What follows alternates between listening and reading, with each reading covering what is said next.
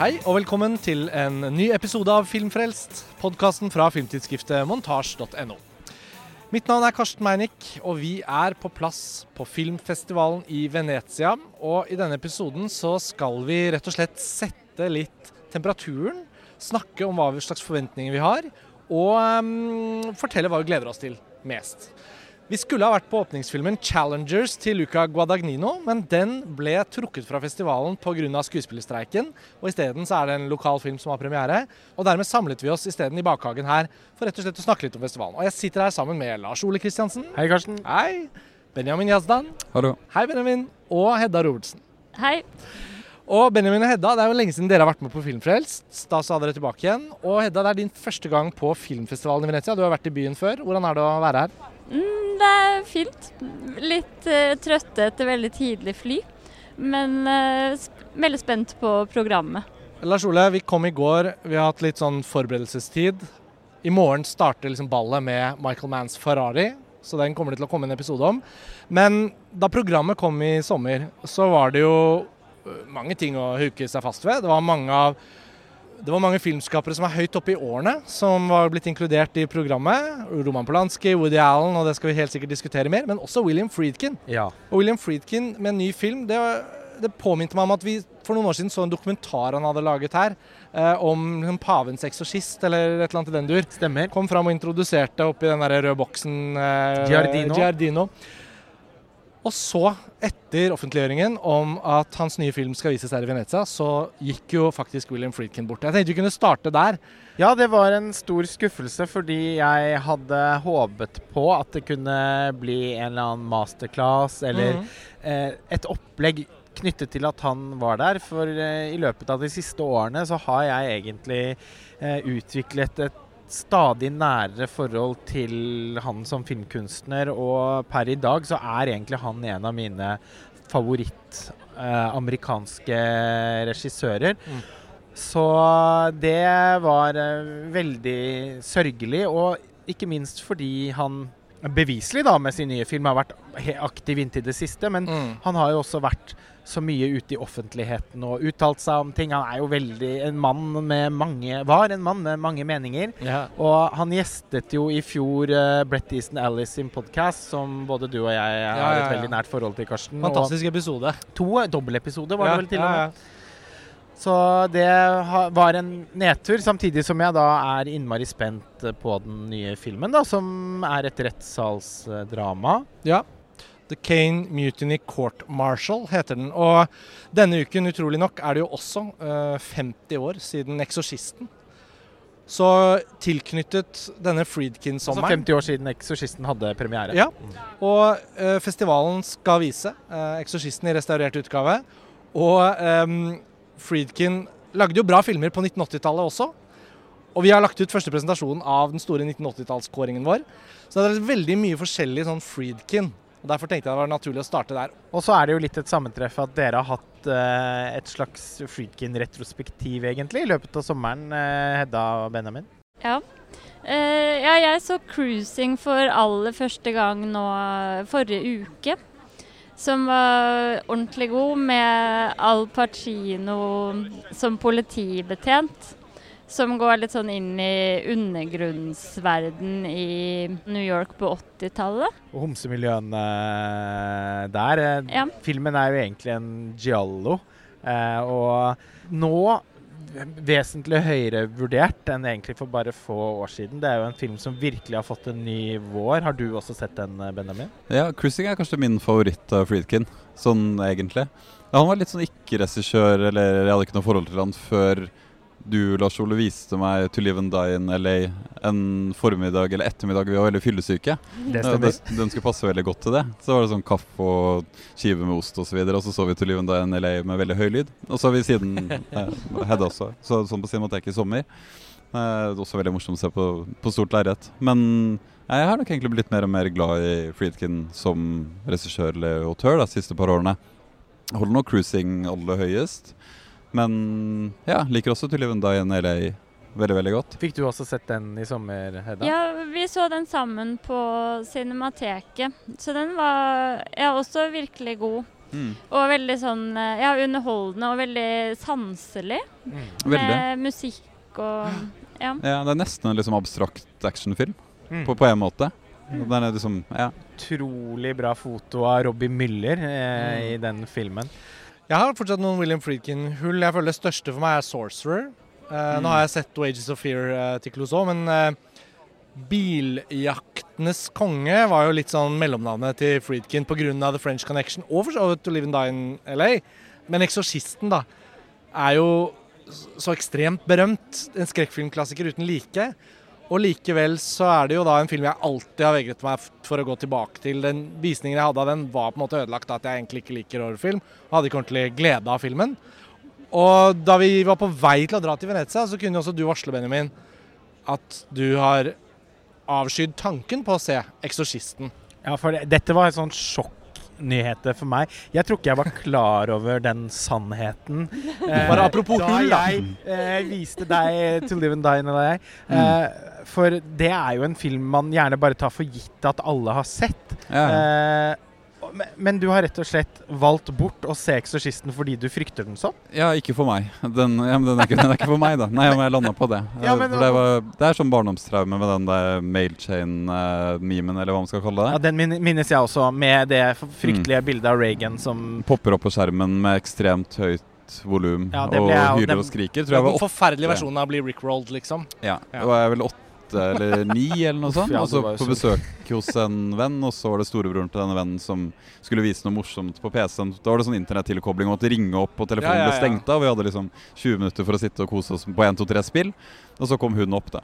Og så har jeg tenkt at det, det, jeg skal aldri se den mer. For det, det, det var mareritt i veldig lang tid. Men to år etterpå igjen, da jeg og pappa var i Disneyland i Paris, og skulle vi se en sånn Disney Medley-show-greie, da. Der kom hun der òg. Jo, hun var, hun var- var med der også. i. Disneyland! Ja, ja, i Disneyland. I Disneyland i Paris. Så da ble jeg jo Så du føler egentlig at du har sett nok 'Eksorsisten'? ja, jeg ble enormt redd da også. Jeg var våken, våken mange netter pga. Eksorsisten, så jeg har aldri turt å se den. For, for egentlig, som vi snakka om før podkasten, så er det ikke den type film jeg egentlig er redd for. Jeg er jo egentlig redd for sånn snikende ubehag eller utflytende form. Jeg syns Casavete er veldig skummel. Og lynsj og sånne ting. Ikke liksom horror eller splatter eller blod eller skumle fjes og ting. Jeg er egentlig ikke redd for, men Eksorsisten kommer jeg aldri til å se. Men den er jo da dessverre mer enn en, Altså sånn eh, Jeg syns jo Jeg eller Du jeg, syns det er en større film enn bare at den er skummel? Ja. Men det tviler jeg jo ikke på. Men jeg kommer likevel ikke til å se Og den. det tviler jeg ikke på at du ikke tviler på, men det er jo også en fortelling om en mor som har et sykt barn som ikke blir trodd, og som hele tiden blir eh, liksom satt i tvil av eh, myndighetspersoner, og da primært eh, menn, da.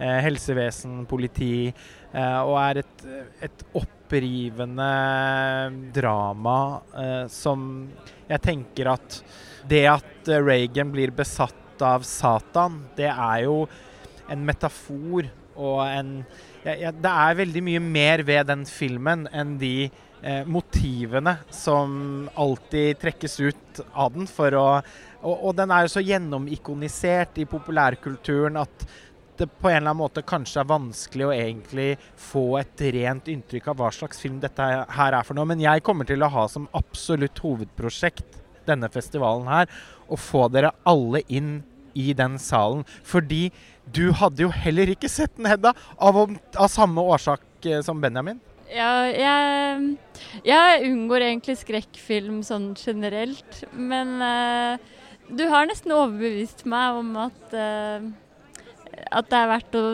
å se denne nå, da. Ja, og hvis jeg Ja. meg til med min stakkarslige visning av en film jeg aldri har giddet å gå inn i og ikke har lyst til å liksom Så har du jo egentlig en hel trupp her, da, som trengs overbevisning. eh.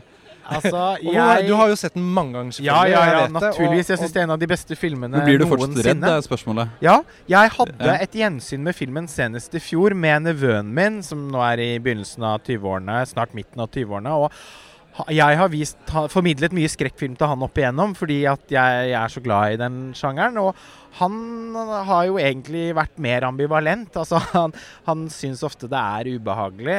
Og 'Eksorsisten' har han også da bare hatt en sånn greie rundt at den vil jeg ikke se før jeg kjenner at jeg har skikkelig lyst.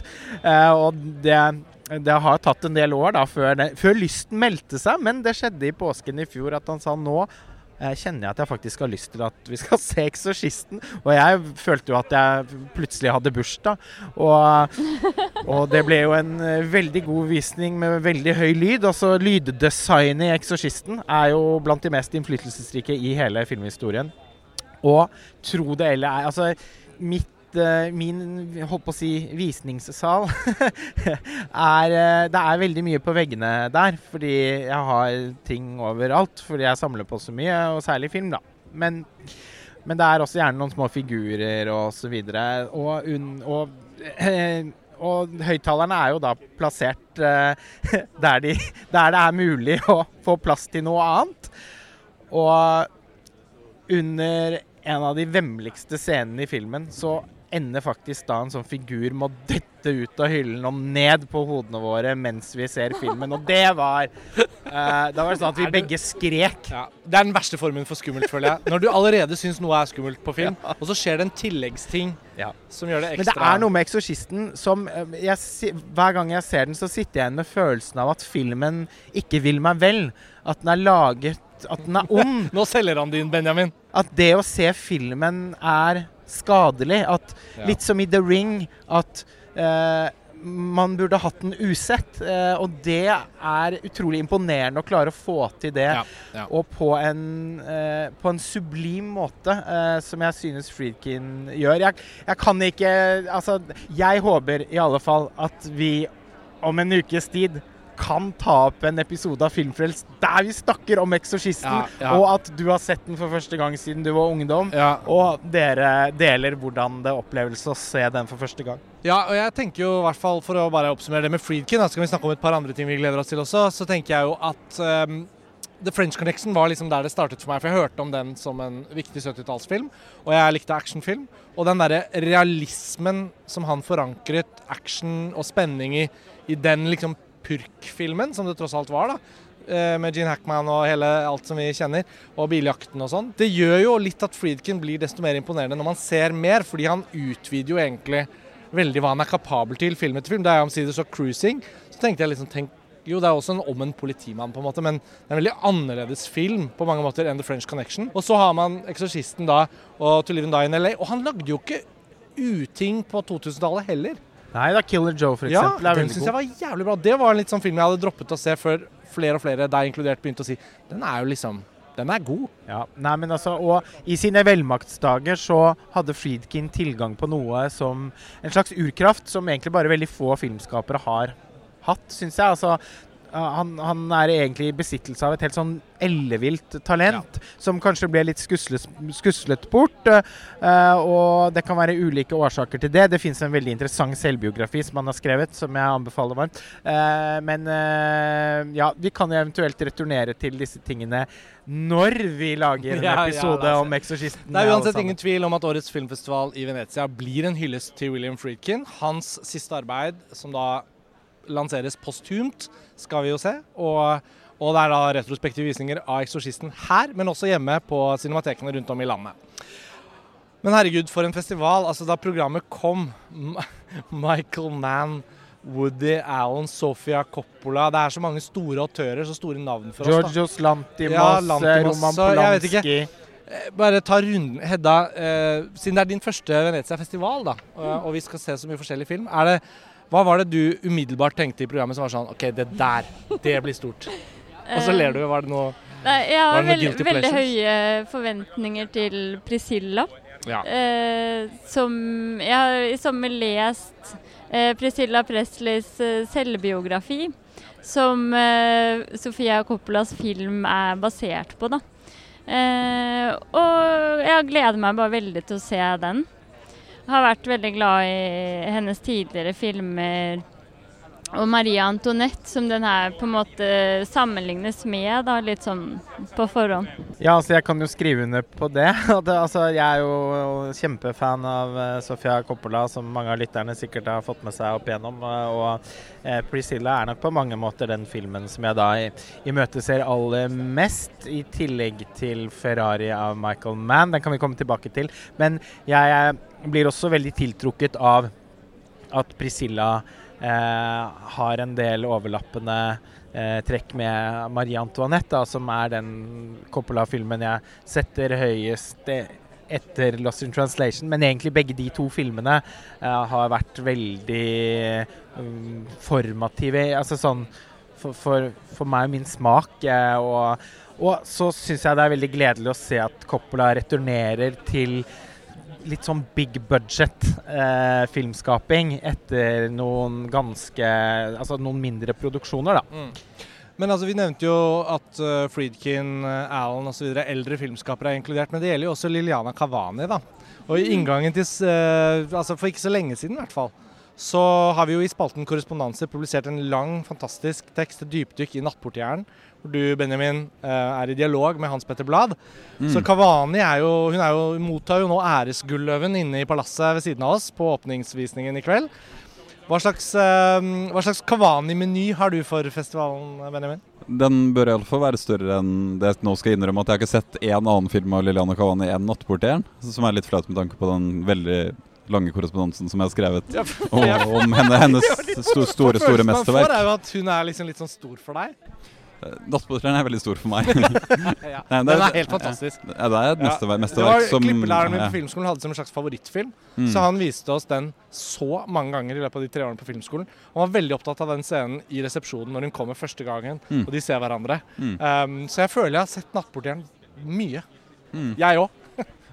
Den nye filmen hennes eh, ser jo litt ut som Hva er det den heter, den HBO-serien på en resort? White, White Lo- Lotus. White Lotus. Det ser jo ut som om noen har prøvd å Som om noen uintendert har lagd en White Lotus-aktig film på italiensk som egentlig ikke skal være en satire, på en måte. Men det er bare å, å dømme ut fra traileren, da. Ja, Nei, men jeg syns det er veldig, veldig stas med Det ble jo Karsten Lars Olo le, le litt av, da, men jeg liker også veldig godt å se mye restaurert film når jeg er i Venezia. Ja, Det har vært år her, kjære lyttere, hvor Benjamin egentlig bare har sett restaurert film etter å ha flydd i flint over noen av de tidlige nye filmene som har levert under pari. og Ne- og Og, i protest eh, liksom eh, lenket seg til Giardino-salen, der de fleste av de retrospektive visningene foregår. Men Netflix er jo ikke velkommen i Cannes, så det blir jo at Mm. prestisjefilmene som strømmetjenesten Netflix vil få lagd, de kommer jo som regel hit, og det gjør de i år også. Uh, David Fincher har vi jo ikke nevnt ennå, han kommer jo med The Killer. Det er kanskje den jeg gleder meg egentlig mest til etter Michael Manns Ferrari. Sånn bare av ren sånn filmglede, og den jeg egentlig var på 90-tallet. Heat er jo basically en av mine absolutte favorittfilmer, men uh, når det kommer til Fincher, så føler jeg jo at han har jo blitt litt sånn Netflix-filmskaper. Og en ting er å oppsøke eh, de restaurerte programmene og bare se gamle filmer, Benjamin, men jeg tenker, av disse autørene som nå er her med en ny film, da, har det, Mm. er det noen du også kjenner at det dirrer litt ekstra? Ja, ja, ja mange, av dem, mange, mange av dem. Jeg er Michael Mann, selvfølgelig. Ferrari. Ja. Men kanskje også med meg også i størst grad Coppola. Ja. Fincher også. Ja. Fordi jeg syns seriemorderfilmen hans er helt fantastisk. Ikke minst Zodiac, som er et helt soleklart mesterverk. Ja, og det er vel Andrew Kevin Walker, manusfatteren Mm. av Seven, som er tilbake. Ja, det er jo i seg selv Ja. eh, veldig Men- spennende. En av de jeg gleder meg absolutt mest til, som vi ennå ikke har nevnt, som jeg føler har blitt litt glemt i liksom build-upen til Venezia også, er at uh, Ryusuka Hamaguchi har en ny film. Ja. Mm. Det var bra du nevnte. han lagde jo to av de aller beste filmene i 2021, Ja. som er Drive My Car og Wheel of Fortune. Wheel of Fortune and Fantasy. Mm. Som jeg var enormt begeistra for, begge ja, to. Ja, Da. ja, ja. ja, nei, men Det var bra Mm. du nevnte, fordi altså, jeg, da den kom, og det var sånn «Hå, Hamaguchi også. Det var alle de andre autørene, så var det han også. Men det er sant, vi har kanskje liksom ikke egentlig fått bygget opp ordentlig. Det var bra du nevnte. og så er det jo en ny dokumentar av Frederick Wiseman. Ja, med ny Ja.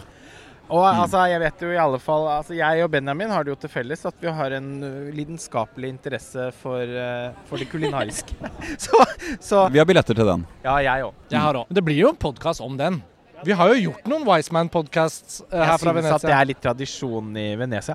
Men uh, Woody Allen er, Mm. har, er her med sin 50. Ja, film, og hans første film på fransk. Den ser så bra ut. Traileren har vi en sak om på montasje. Jeg tenker jo det kan bli en av de beste fra Alan på lenge. Jeg mistenker det. altså Ryktene på en måte også er at dette er hans soleklart beste film siden 'Midnight in Paris', eh, og at den har Mm. mye til felles med 'Matchpoint', og kanskje utgjør en slags trilogi med 'Crimes and Misdemeanors' og 'Matchpoint'. Det er i så fall ganske utrolig, da. Ja.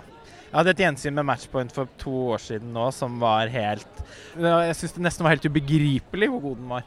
Så uh, det, der er nervene litt i høyspenn. Det hadde vært så gøy om den virkelig leverte. Hadde ikke Challengers blitt trukket som åpningsfilm, så kunne vi hatt en sånn tennistematisk bro fra den videre over i Woody Allen og sånn. Ja, nei, jeg gleder meg enormt mye til den, og jeg òg. Vi nevnte retrospektivet. Hvilke filmer er de retrospektive som dere har? Eh, ja, vi har også tenkt å se Somai. Shinji Somai? Ja. Moving. Ja. Som eh, Ja, vi har nettopp begynt å se eh, filmer av han i det hele tatt. Med Typhoon Club som eh, høydepunkt nå i sommer. Mm. Så den har vi veldig lyst til å få med oss. Når er den fra Moving? Den er fra tidlig 90-tall. Tidlig 90-tall, men restaurert nå, da. Ja, og det er et uh, mesterverk, uh, da. ja, I fjor så hadde de restaurert Edward Youngs 'Confusion Confusion'. Og jeg føler liksom at tidlig 90-tallet, eller 90-tallet, er jo egentlig så gammelt nå. Og ting ble jo ikke skutt digitalt før sent på 90-tallet. Da var det liksom dogmefilm. Så jeg tenker at liksom, det at det også restaureres filmer fra litt nyere tid, det er litt sånn oppmuntrende signal. Ja, men tilfellet med Shinji Suma er jo at filmene hans har vært veldig vanskelig å få tak i, og i veldig liten grad vært formidlet utenfor Japan. Og jeg har jo vært veldig opptatt av å av å fortelle om de opplevelsene jeg har hatt med hans filmer de siste årene, til alle som sitter rundt dette bordet, bl.a. Og også på, på Filmfrelst. Taifu Kurabu, eller Taifun Club, fikk jo en Har jo blitt omtalt, i hvert fall i et par runder. Vil jo nå nødvendigvis også dukke opp i forbindelse med kåringen av 1980-tallets beste filmer. Såpass må man kunne si. Ja. Men da vi gjorde fysisk format-episoden, og du fortalte om Tokyo før jul 2022. Mm. mm. Da kom jo den inn. Ja, og da så jeg den i en restaurert versjon på filmfestivalen der. Men siden hans filmer har vært så lite tilgjengelig, er det ikke naturlig at de fleste av lytterne våre som hører Shinji Shumai, ikke egentlig kobler det til noe de har sett? I hvert fall for meg er det jo fortsatt liksom ganske sånn upløyd mark. De som har sett Mark Cousins dokumentar om barnefilmens historie, The Story of uh, Children's Films, vil kunne huske at det er et ganske langt parti der om uh, 'Moving'. Ja. Uh, og det var faktisk uh, min Det var første gang jeg hørte om, om den filmen. Ja. Og så har den vært mulig å få tak i på, på DVD, men den har gått ut av print. Og så ja. I det hele tatt så har det jo i det store og hele vært en ganske utilgjengelig film, men det er nok en av de aller beste filmene jeg har sett om uh, barndom og ikke minst uh, skilsmisse. Mm. Det å være et mm. skilsmissebarn, som jeg jo ikke har opplevd selv, mm. men som andre rundt dette bordet har. Uh, men det gjør ikke at jeg ikke kan leve meg inn Altså, Det var jo noe av en av mine største frykter som barn. var jo, For jeg så jo det skjedde med andre. ikke sant? og jeg syns den filmen klarer å si noe om hvordan barnet ser de voksne, mm. og hvordan de voksne ikke klarer å møte det blikket. Hvis jeg kan skyte den veldig raskt, at det er jo ja, antakeligvis veldig få som har et forhold til Shinji Somai. Eh, det har ikke vi hatt heller før nå i sommer. Men apropos Hamaguchi, eh, så sa han i et nylig intervju i forbindelse med at det restaureres og gis ut eh, hele filmografien på Blu-ray fra Japan til å begynne med, det at han var den filmskaperen man strevet etter å bli på slutten av 80-tallet, begynnelsen av 90-tallet på filmskole i Japan. Så har han bare gått helt under radaren, eh, også blant liksom, et arthouse-publikum i, i, Vesten også. da. Eh, det er vanskelig liksom, å si sånn, trekke klare paralleller eller sammenligninger til andre regissører, også bare basert på Typhoon Club, men man kan også se at Koreda har sett og likt dette meget godt. Og ja. han var Gucci selv, ikke minst. Ja, og jeg, Når var han døde? For han døde jo litt han døde altfor tidlig ja. mm. av kreft. Ja. Uh, han har ganske mye til felles med de taiwanske filmskaperne ja. fra samme periode. Altså Taifu Kurabu er jo på en måte en, en, en, en taiwansk film eh, i Japan. Altså, den, det er innmari vanskelig å ikke tenke på Ho Sha-shen, spesielt mm. når man ser den filmen. Ja. Men eh, som Benjamin påpeker, så er, er, har han jo hatt en enormt høy status i Japan. Og desto underligere er det da at eh, han har forsvunnet sånn fra den filmhistoriske samtalen ellers. Og jeg er jo innmari glad for at endelig eh, At han endelig kommer tilbake, og at filmene omsider blir eh, mer allment tilgjengelige. Og har, mange av de har heller ikke vært det i Japan. Så når vi tre andre går for å se 'Moving', blir du med, eller? Ja. ja. Koselig. Ja, men jeg har bare sett den to ganger tidligere, og det begynner å bli noen år siden. Så jeg er definitivt med på et gjensyn. Så for lytterne blir jo det vi nå har snakket om, litt sånn, sånt slags sånt Venezia-sudoku med noen tall som forflytter seg. og Hvem vet hva vi skal tilbake til å snakke mer om i andre episoder. Men nå som vi har fått gjort en introduksjonsepisode, så har vi i hvert fall fått satt liksom tonen for det som kommer. Vi er på plass. Festivalen starter straks, og vi høres veldig snart igjen til flere episoder. Michael Manns Ferrari utmerker seg som neste. Så det blir spennende i morgen tidlig. Benjamin, Hedda, Lars Ole, takk for nå. Nå skal vi løpe av gårde og spise mat og se film og ditt og datt. Ha det bra. Ha det bra. Ha det. Ha det bra.